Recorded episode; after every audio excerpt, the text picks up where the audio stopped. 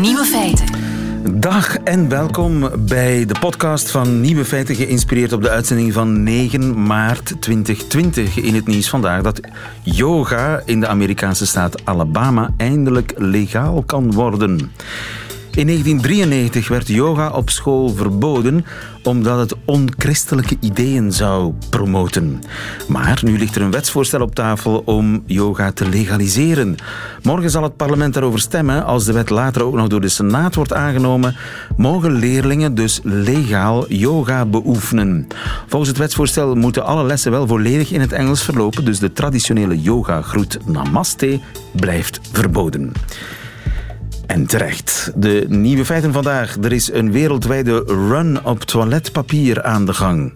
Hoe zit het met ons grondwaterpeil na de extreem natte maand februari? Ook in Frankrijk hebben de media het nauwelijks nog over iets anders dan corona. En op de vijver van Hoeilaard heeft een zwaan zijn vriendin vermoord. De nieuwe feiten van Hugo Matthijssen hoort u in zijn middagjournaal. Veel plezier. Nieuwe feiten. Er is een wereldwijde run op toiletpapier aan de gang. Bij ons valt het nog mee, maar de Britten die hamsteren massaal. En ook in Amerika en Australië gapen de lege rekken je aan in de supermarkt. Ivan van der Kloot, goedemiddag. Goedemiddag. Hoofdeconoom bij Itinera. In Engeland rantsoeneren supermarkten nu bepaalde producten eh, waarvan je er niet meer dan vier mag kopen. Vooral toiletpapier is heel erg in trek. Heb je enig idee waarom precies toiletpapier? Wel, dit is een uh, klassiek voorbeeld van waarom uh, economen zoveel uh, in, lezen in, in, de, in de literatuur van sociale psychologie. Dit is niet de eerste keer, dit is een heel lang uh, bestaand fenomeen dat er in bepaalde culturen, in bepaalde landen, um, wanneer er de spanning oploopt, uh, dat dat geventileerd wordt in bepaalde eigenaardigheden. En um, ja, er is, uh, dat is op dit moment gaande in Australië, in de Verenigde Staten, in het Verenigd Koninkrijk, in zaak, uh, op ah, ja. het vlak dus van dat is een, een, echte run. Een bekend fenomeen, toiletpapier, paniek. Dat is een soort basisangst, een diep gewortelde angst. We gaan geen toiletpapier meer hebben. Ja, er is een heel bekend voorbeeld en dat heette de grote toiletpapierangst van 1973. En dat start toen op een heel uh, gewone manier, of ja, op een kleine manier. Er waren een aantal kranten die bericht hadden eh, de Verenigde Staten over een tekort aan toiletpapier in Japan. En er was een zekere Froelich, een uh, congreslid in, in Amerika, die uh, in zijn eigen district nogal wat papierfabrikanten had. En die had daar een persbericht over geschreven, dat, um, dat er een tekort zou kunnen komen aan papier. Daar wordt niets mee gedaan, dat wordt niet opgepikt, maar een tijd later uh, leest diezelfde Froelich dat de overheid uh, tekort uh, begint te merken voor het aanleveren van, zijn, uh, van het leger en zijn bureaucraten voor toiletpapier. En opnieuw stuurt hij een persbericht uit. En toen is het een beetje uit de hand beginnen lopen. En dat is ook opgepikt door een komiek ehm, die daar een grappen heeft over gemaakt. En toen is het helemaal ontspoord. Er is een run geweest op het toiletpapier. En uh, mensen hebben toen frenetiek uh, toiletpapier zitten ham hamsteren met grote, ja, uh, om, ja, een grote chaos in de, in de industrie. Die niet goed wist hoe ze daarmee moest omgaan. Die zijn ongelooflijk beginnen produceren. En ja, dat heeft toch een aantal maanden geduurd toen. En sindsdien ja, duikt dat opnieuw op. Um, dat zit zo in en is het, het collectief ene, bewustzijn. het collectief bewustzijn. Het ene land is daar gevoeliger voor dan het andere? Ja, we zullen zien hoe ver het nu uiteindt. Maar er, zijn, er is ondertussen nogal wat literatuur over. Uh, en ja, de, in de sociale psychologie uh, slash economie wordt dat dan uitgelegd van ja, er is toch wel een extra factor die dat in de hand werkt. Er, uh, wc-rollen, dat is iets dat je heel gemakkelijk opmerkt in de winkel, in het warenhuis. Het zijn grote pakken. Um, ja, als, als, je, als, als er zo'n run zou komen op tandenborstels, dat zou niet veel mensen opmerken. Maar die grote pakken wc-papier, dat zien mensen dat dat verdwijnt. En dan krijg je iets wat in de huidige jongere generaties heel sterk bekend is: de fear of losing out. De, ze denken, ja, als andere mensen iets doen, dan zal er een reden voor zijn. Dat zit een beetje in onze natuur geworteld. Ja. We weten, we hebben onze beperkte hersenenstructuur, maar als andere mensen allemaal een bepaald gedrag vertonen, dan veronderstellen we dat daar dan wel een reden voor zou zijn. Dus je wil niet de laatste zijn? Je wil niet de laatste zijn. Uh, de angst uh, begint dan te spelen. Uh, en economen, ja, die, voor hen is dat een beetje gesneden koek, omdat dat eh, voor hen heel pedagogisch werkt om aan studenten uit te leggen ja, hoe runs in de banken gebeuren en in andere sectoren.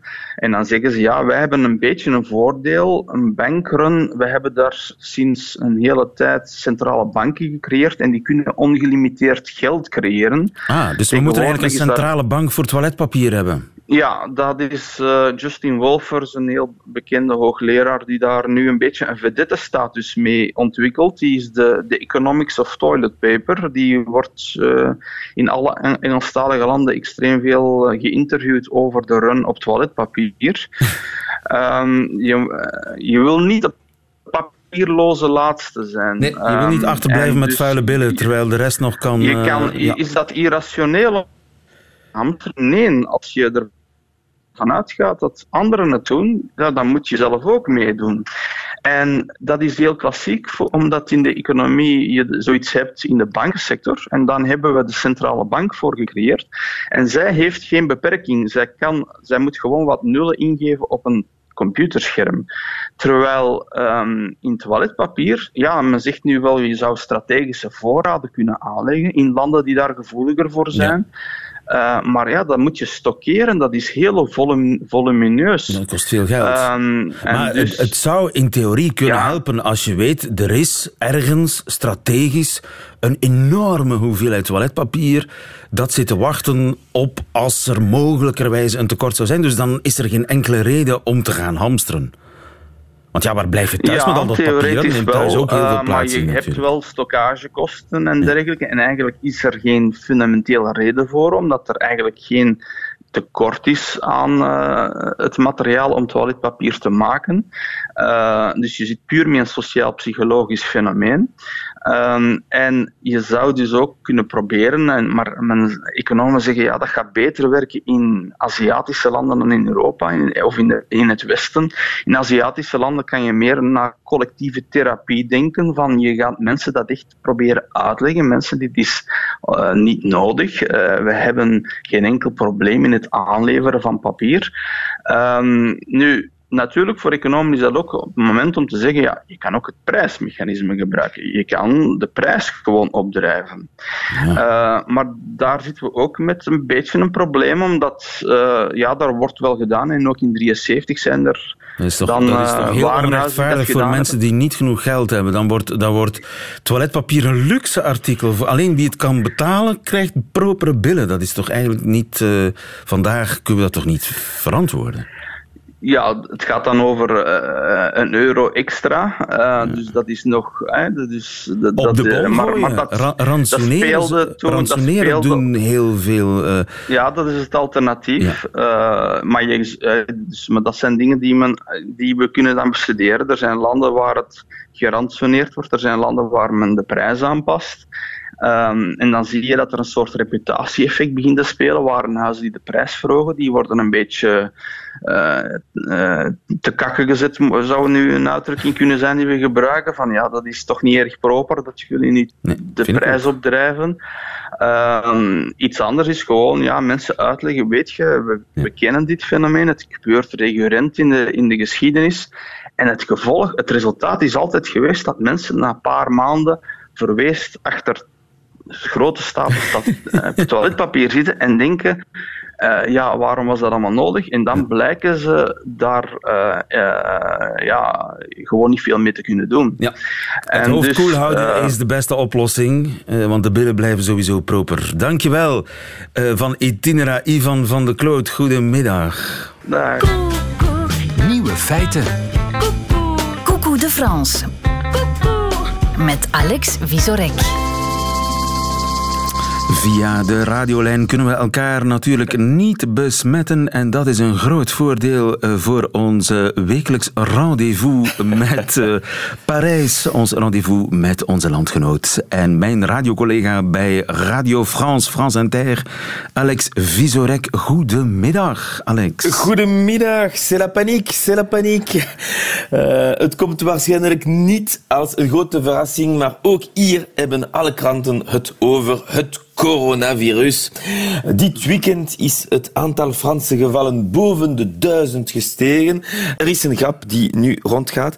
Uh, en dat is dat de ranking van het aantal besmettingen per land in Europa is zoals het eindklassement van het Eurovisie Songfestival, behalve dat Frankrijk kans maakt om te winnen. en er zijn zelfs vier Kamerleden van l'Assemblée nationale die besmet zijn. Maar luister eens aan het moment waarop de nieuwslezer op TF1, de eerste televisie van Europa, hij spreekt over coronavirus. Et puis hier soir en France, l'hospitalisation dans un état sérieux d'un député, Jean-Luc Redzer. Il est hospitalisé pardon, à Mulhouse. Euh, reportage d'Isabelle Marie et Léonore Payon. Oui, oui. oui geen paniek. Oui, oui. Geen paniek, lieven. Hij heeft geen corona. Dat is puur toeval. Maar ja, er zijn wel heel wat gevallen verspreid over heel Frankrijk. En dat betekent dat er maatregelen genomen worden. Jonathan Peter Schmidt, de arts die besmet is, uh, is een van de Fransen die in quarantaine moet blijven. Hij moet dus twee weken thuis blijven samen met zijn vier kinderen. Je suis persuadé aujourd'hui qu'au bout, des, au bout de la, la, la quarantaine de 14 jours, euh, on aura été beaucoup plus fatigué par nos enfants que par le virus. Ça, c'est une évidence. Ja, ze zullen eh, vermoeider zijn door de kinderen dan door het virus, zegt hij. Ja, dat zei hij. Maar er zijn ook maatregelen eh, die van toepassing zijn op alle inwoners. Deze presentator heeft een raadsel voor u. Alors j'ai une devinette pour vous. Regardez un petit peu quel est le point commun entre Olivier Véran, le ministre de la Santé, et Henri VI, roi d'Angleterre du 15e siècle. Ah, Est-ce que quelqu'un là Mm. Sauf Barbier. Oui, Henri VI, c'est une très belle pièce de Shakespeare, hein, mais voilà, à part ça. Eh bien, ils ont tous les deux banni la bise, la sacro-sainte bise à la française. Alors, Ja, wat uh, hebben de huidige Franse minister van Volksgezondheid en de koning Henry VI van Engeland gemeen? Ja, ze hebben allebei de kus verboden. La sacro-sainte bise à la française. Ja, want de Fransen geven kussen om elkaar te begroeten. En niet gewoon één kus, maar elke keer drie kussen. Beeld je in dat ze daar nu mee moeten stoppen. Er is iemand die die maatregels aan haar laars lapt. En dat is Carla Bruni, de vroegere first lady, de vrouw van Nicolas Sarkozy, mannequin en zangeres. Ze zorgde zelfs voor wat ophef toen ze iemand begroeten tijdens de Fashion Week. C'est la vie, c'est dingue. C'est parce qu'on est de la vieille génération. On n'a peur de rien, on est pas féministe, on craint pas le coronavirus. Nada. Ja, het was een beetje moeilijk verstaanbaar, maar uh, toch een beetje. Ze, ze, is nergens bang voor, hè, want ze is de la vieille génération. Geen feminist en coronavirus. Het kan ons niet schelen, zei ze. Nada.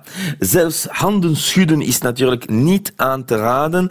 Uh, maar maak je geen zorgen, want kandidaat burgemeester in Parijs, Agnès Buzyn, heeft een voorstel om le bonjour à la française te redden. Je pense que dans la semaine qui vient, les habitudes vont être prises. Je pense que à la fin de la semaine, les Parisiennes et les Parisiens auront pris l'habitude de ne plus serrer la main, de se taper le coude ou se taper le pied et de se sourire. Euh... Se taper le pied. En de coude. En de coude. Dus met de ellebogen tik geven of de, met de voetjes tegen elkaar tikken ja, als uh, is... begroeting haar oplossing. En vooral, ze zullen moeten glimlachen, zeggen ze. Sourire. dat is moeilijk. Ja, en dat is moeilijk voor, voor een inwoner van Parijs. Ja, dat vind ik wel het meest optimistisch in haar verklaring. Veel Fransen moesten daar ook mee lachen. Vous avez jusqu'à la fin de la semaine Un pour sourire. apprendre à vous taper le, bien, le hein. coude, vous taper le pied. Alors attention, ne pas utiliser le coude dans lequel vous toussez, car vous savez qu'il faut aussi tousser dans son coude. Oui. Alors, un coude pour tousser, un autre pour se dire bonjour. Ja, dat is natuurlijk eh, ingewikkeld als je moet niezen in je elleboog. Om dan die, dan moet je wel de andere elleboog gebruiken om te begroeten. Dat is het. Niet tikken met diezelfde elleboog. De linkse om te oesten, de rechtse om dag te zeggen. Voilà. Probleem opgelost. Presentator Pascal Pro heeft nog een ander voorstel in een tv-debat. La fellation est moins contagieuse que se serrer la main. Alors il ne s'agit pas. Mais non, mais c'est c'est un élément scientifique. Ja, een element scientifiek, dat geloof ik graag. Wetenschappelijke feit. Nee, het was een fake news die hij op internet gevonden had. En hij eh, had zich vergist. Sowieso, zoals mijn collega comedian eh, Thomas Wiesel zei, het zou wel wat langer duren om dag te zeggen met la fellation. En dan heb je ook eh, events die afgeschaft eh, zijn of uitgesteld worden. En eh, vooral deze vind ik heel spijtig. De Franse bisschop eh, Monseigneur Jean-Benoît Godin heeft dit op zijn Facebookpagina laten weten. Par précaution, la conférence Guérison miraculeuse est possible du 28 février à Creil est reportée à une date ultérieure. Gezien de omstandigheden is de conferentie miraculeus genezen. Is dat mogelijk uitgesteld tot een latere datum? Ja, wel, ik denk dat de vraag beantwoord is. Inderdaad. Dankjewel, Alex Visorek, onze man in eh, Parijs. En bij leven en welzijn, om een roemruchte collega van mij zaliger te citeren. Tot volgende week. Misschien. Radio 1. Nieuwe feiten. En tussen de vele regenbuien door heb ik mij deze vraag toch al gesteld. Hoe zou het zijn met ons grondwaterpeil? Dat was toch dramatisch laag na een paar gordroge zomers. Goedemiddag Gert Gijzels. Goedemiddag. Gert van eh, eh, de VUB, je bent postdoctoraal onderzoeker hydrogeologie.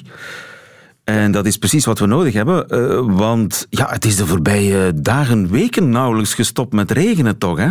Dat moet toch iets met ons grondwaterpeil doen, al die regen? Nee, inderdaad, dat klopt. De laatste de maanden, de laatste maand, de laatste weken, heeft inderdaad nogal veel geregend. Eh, In de maand februari heeft het ongeveer eh, 70% meer geregend dan gemiddeld. En eh, het is, ehm, deze maand staat in de top 5 van de natste februari sinds 1981. Maar ehm, de bevindt zich nog altijd wel binnen het normale bereik. Ja, dus we Ehm, hebben een van de natste maanden achter de rug in de voorbije 50 jaar. Ja, dat klopt. En natuurlijk, ja, deze neerslag die voedt onze grondwaterreserves.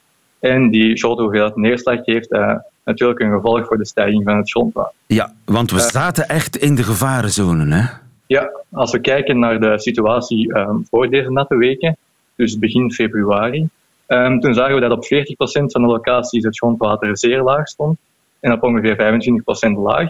Dus in meer dan 60% stond het peil op eh, laag of zeer laag. Nu heeft het uiteraard veel geregend de afgelopen dagen en heeft dit een effect op het grondwater. Ehm, de exacte cijfers ehm, voor de maand februari die worden pas morgen eh, gerapporteerd in het maandelijks rapport van de grondwaterstandindicatoren. Hè. Dat wordt uitgebracht door de Vlaamse Milieumaatschappij. Ehm, maar als we al kijken naar de, beschik- de beschikbare grondwaterpeilen, dan zien we dat er op heel wat locaties eh, een, een stijging is van het grondwater naar een categorie hoger. Dus van zeer laag naar laag en van laag naar normaal. Dus er is zeker sprake van een zeker herstel. Er is zeker sprake van een zeker herstel. Ik heb twee keer eh, zeker gehoord en vooral die laatste, zeker, zeker herstel. Een, een zeker herstel, een beetje herstel. Maar we zitten nog niet helemaal uit de gevarenzone. Nee, dat klopt. Eh, een belangrijke nuance is inderdaad dat het een, een heel natte februari is geweest.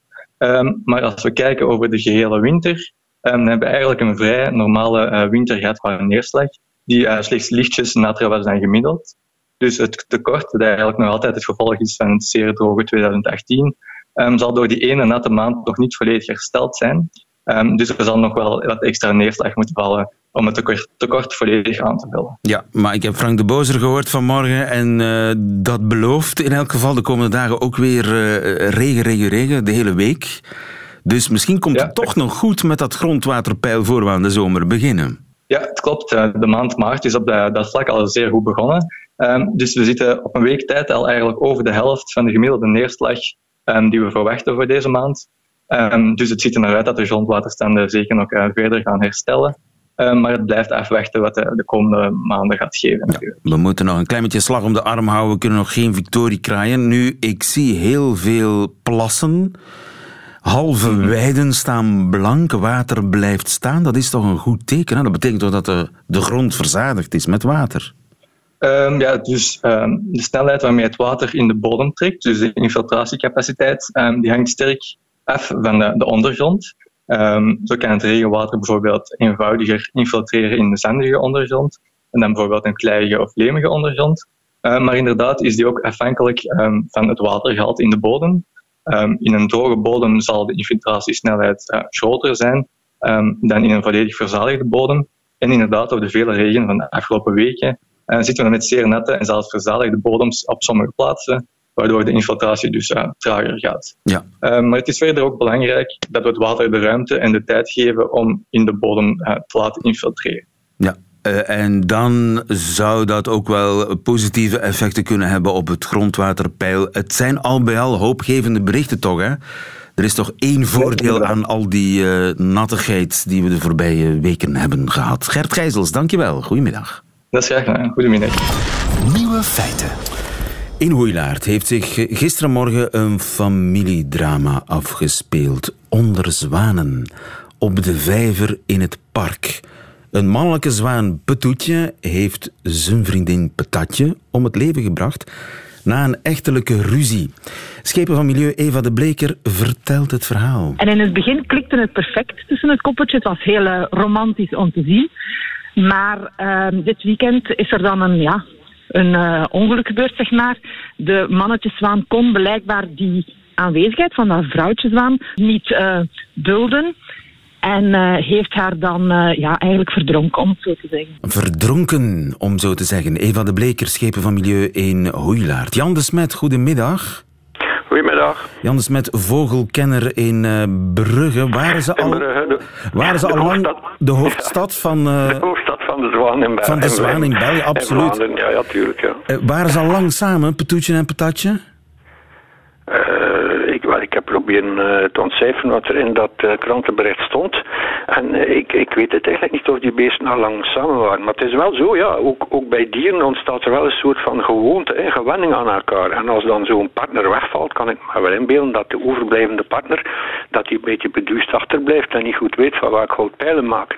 Ten andere, ik heb, dus, ik heb in mijn knipselarchief gekeken en ja, er valt nog een heel hoofdstuk over de zwanen in Hoeilaar te schrijven. Hè. Ah, ik, heb hier, ik heb hier een krantenkrop uit 1997. Isabel wil geen nieuw lief. Treurende zwaan wimpelde al verscheidene mannetjes af. Dus eigenlijk l'histoire se. Hè. Er zit iets in dat water in Hoeilaard. misschien wel. Want, misschien wel. eh, of ja, Petoetje was de oorspronkelijke bewoner van de vijver. En dan, voor zover ik het gehoord heb, kwam Patatje precies uit Brugge ja, dat ook om zijn eenzaamheid eh, te verdrijven. Ja, maar, maar dat is dan. Ja, mensen zien natuurlijk eh, eh, op zo'n parkvijver die idylle, dat idyllische zwanenkoppeltje, er valt één van weg. En mensen zien dan dat er wel één van die dieren dan toch een soort treurend gedrag begint te vertonen. En dan willen mensen ingrijpen en daar eh, een nieuwe partner bij nieuw lief voor zoeken en erbij brengen, een nieuw lief bijzetten. Ja, en, maar het is natuurlijk niet altijd zo dat dat uit, uitgerekend moet klikken dan niet tussen die twee individuen. Hè? Want eh, ja, dus, allee, zwanen zijn gekend dat ze nogal eh, zeer trouw zijn aan hun partner. En dat kan 10, 15 jaar duren dat zo'n beest dan samen heeft gewoond met een, met, een, met een partner van zijn eigen soort. En als daar dan inderdaad eh, eentje wordt bijgezet die hij van haar nog pluim kent, dan moet, maar waar hij moet aan wennen, ja, dat kan dan misschien op een, eh, ja, een huwelijksdrama. Het is een soort gedwongen huwelijk dan. Hè. Ja, ja, ja. Eh, en, ja, Huwelijksdrama kring passionnel zelfs, hè? Misschien wel, ja. ja, ja, ja, ja. Maar zijn we zeker dat het een vrouwtje was? Eh, wel, dat is een zeer goede vraag. Eh, ik ben intussen al, eh, al, die, al jaren bezig met mijn kranten eh, te verknippen en het is vaak heel moeilijk om dan te, af te leiden wat er zich nu precies heeft afgespeeld. Hè. Want om, om terug te keren ook op Goeilaert, eh, er is ooit zo'n trouw tot in de dood, troost en spiegelbeeld. Er was daar zo'n zwaan die ook zijn partner kwijt was en die stak dan de weg over. En Goeilaert een ander. Het is waarschijnlijk in hetzelfde park, het Ruusbroekpark. Die ene zwaan die dus eh, zijn partner kwijtgespeeld was, die stak de weg over. En er was een garage met een zeer grote, of er is een garage eh, met een zeer grote vitrine. En die, dat beeld zag daar zijn spiegelbeeld in. Dus die zwaan stond daar echt zielig te wezen, dagen en weken aan een stuk. En ja, daardoor is, is dat beest ook in de, de landelijke media gekomen. Hè. Om, om ook als toonbeeld van ja, liefdesverdriet, partner verloren en dat beest zoekt dan een beetje heil. En het is een eigen spiegelbeeld, wat natuurlijk toppunt van zieligheid is. hè. maar- maar Want dus- ik herinner mij, er toen zelfs eh, brieven in de kranten en zo, die opriepen om voor dat beest ook een partner te zoeken. ja, ik, eh, ik, lees in, ik hoop op een of andere manier op een positieve afloop. Dat was een dame die schreef uit Borgerhout, totaal andere kant eh, in het Antwerpse. Dus het was toen al eh, iets dat, dat zeer gehyped werd. Ja, jij hebt eh, een geweldig krantenarchief eh, en over elk onderwerp vind je heel veel krantenartikels terug. Maar, maar dus kennelijk eh, is dat niet zo makkelijk om zwanen te koppelen. Is er iets wat we kunnen doen, denk je, om dat wat vooraf in te calculeren? Een aantal zwanen, even checken, een soort blind date. Ik weet, ik, ja, ja, natuurlijk. Ja, dat is ook moeilijk af te leiden. Ik denk dat die zwanen die daar op die vijver in Goeilaert zaten, dat die eigenlijk vrij geïsoleerd zaten en weinig eh, in groep leefden. Hè. Ik woon hier zelf in Brugge. Ik kan, als ik het raam bekijk, kan ik het Stelende zien. Ja, daar zitten eh, samengepakt misschien 60, 70 zwanen in groep. Ik kan me inbeelden dat zij dan, eh, als die, die gewoon zijn, om in groep te leven en, en elkaars gedrag te interpreteren, dat die, ja, dat die de sociale vaardigheden hebben om met elkaar om te gaan. Hè. Maar natuurlijk, als zo'n beesten daar dan geïsoleerd in een parkvijvertje zitten al die jaren, ja, dan kan het zijn, ja, waar, de- waar al die relatieberoers van menselijke relaties. Het zou misschien voor z'n ook nodig zijn, je weet dat niet.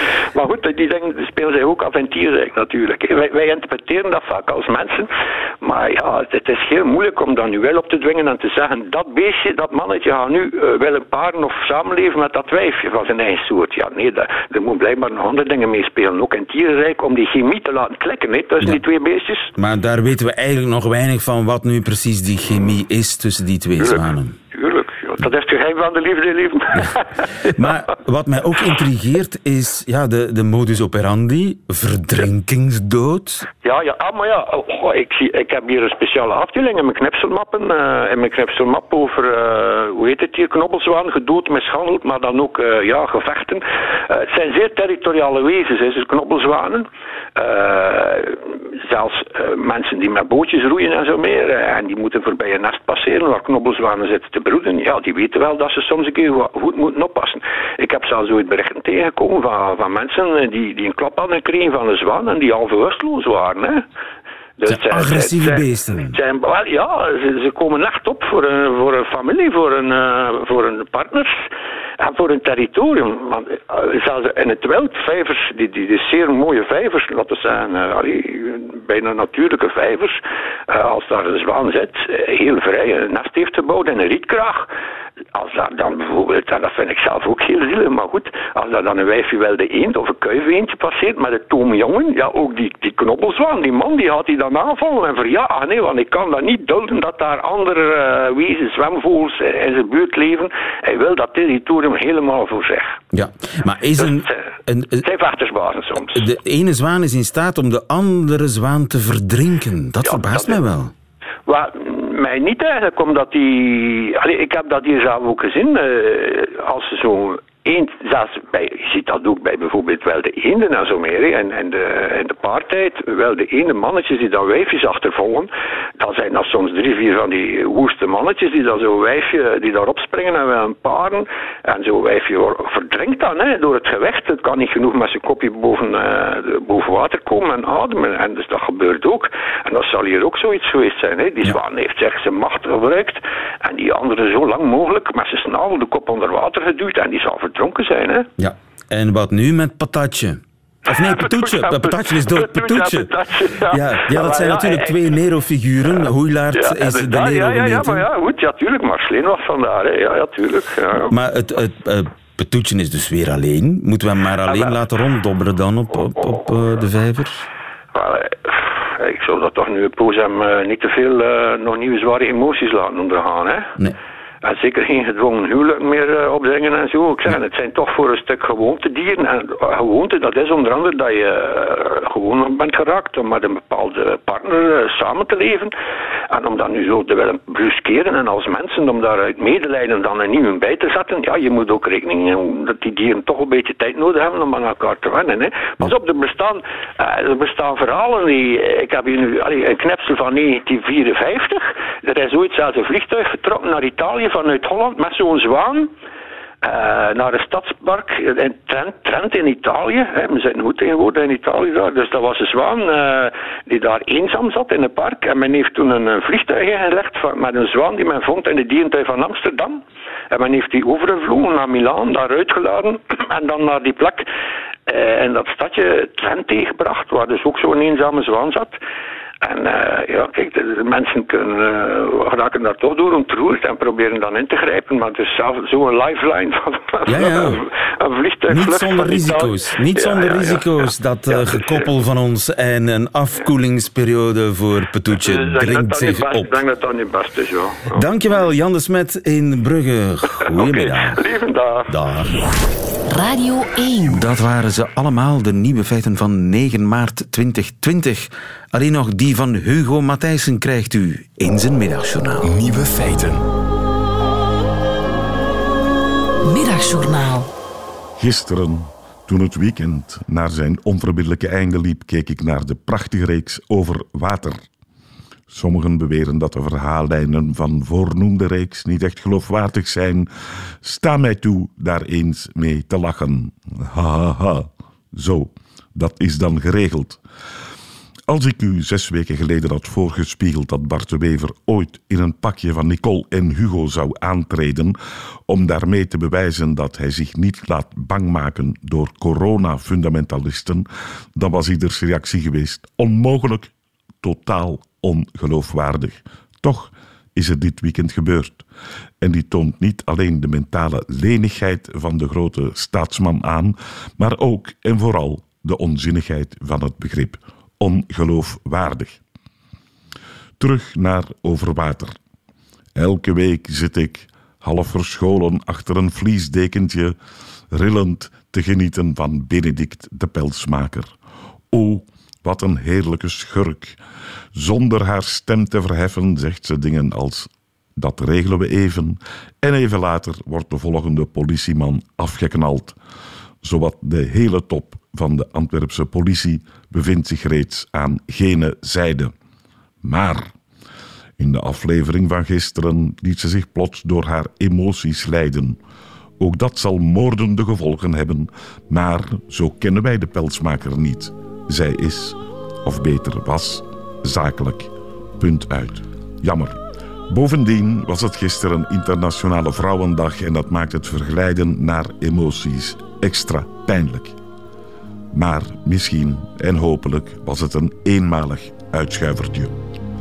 Ondertussen blijft de kwaadaardige Benedict opduiken in mijn dromen. Wat dat precies betekent, zal ik u niet vertellen. Want wat zich ongevraagd voordoet in het hoofd van oudere mannen, kan maar beter in het hoofd van oudere mannen blijven. Tot morgen.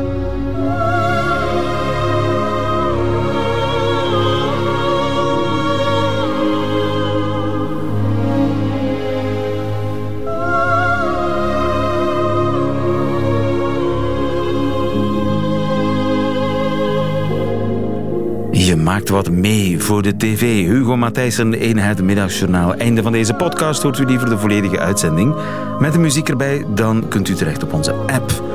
Meer podcasts op onze site. Tot een volgende keer.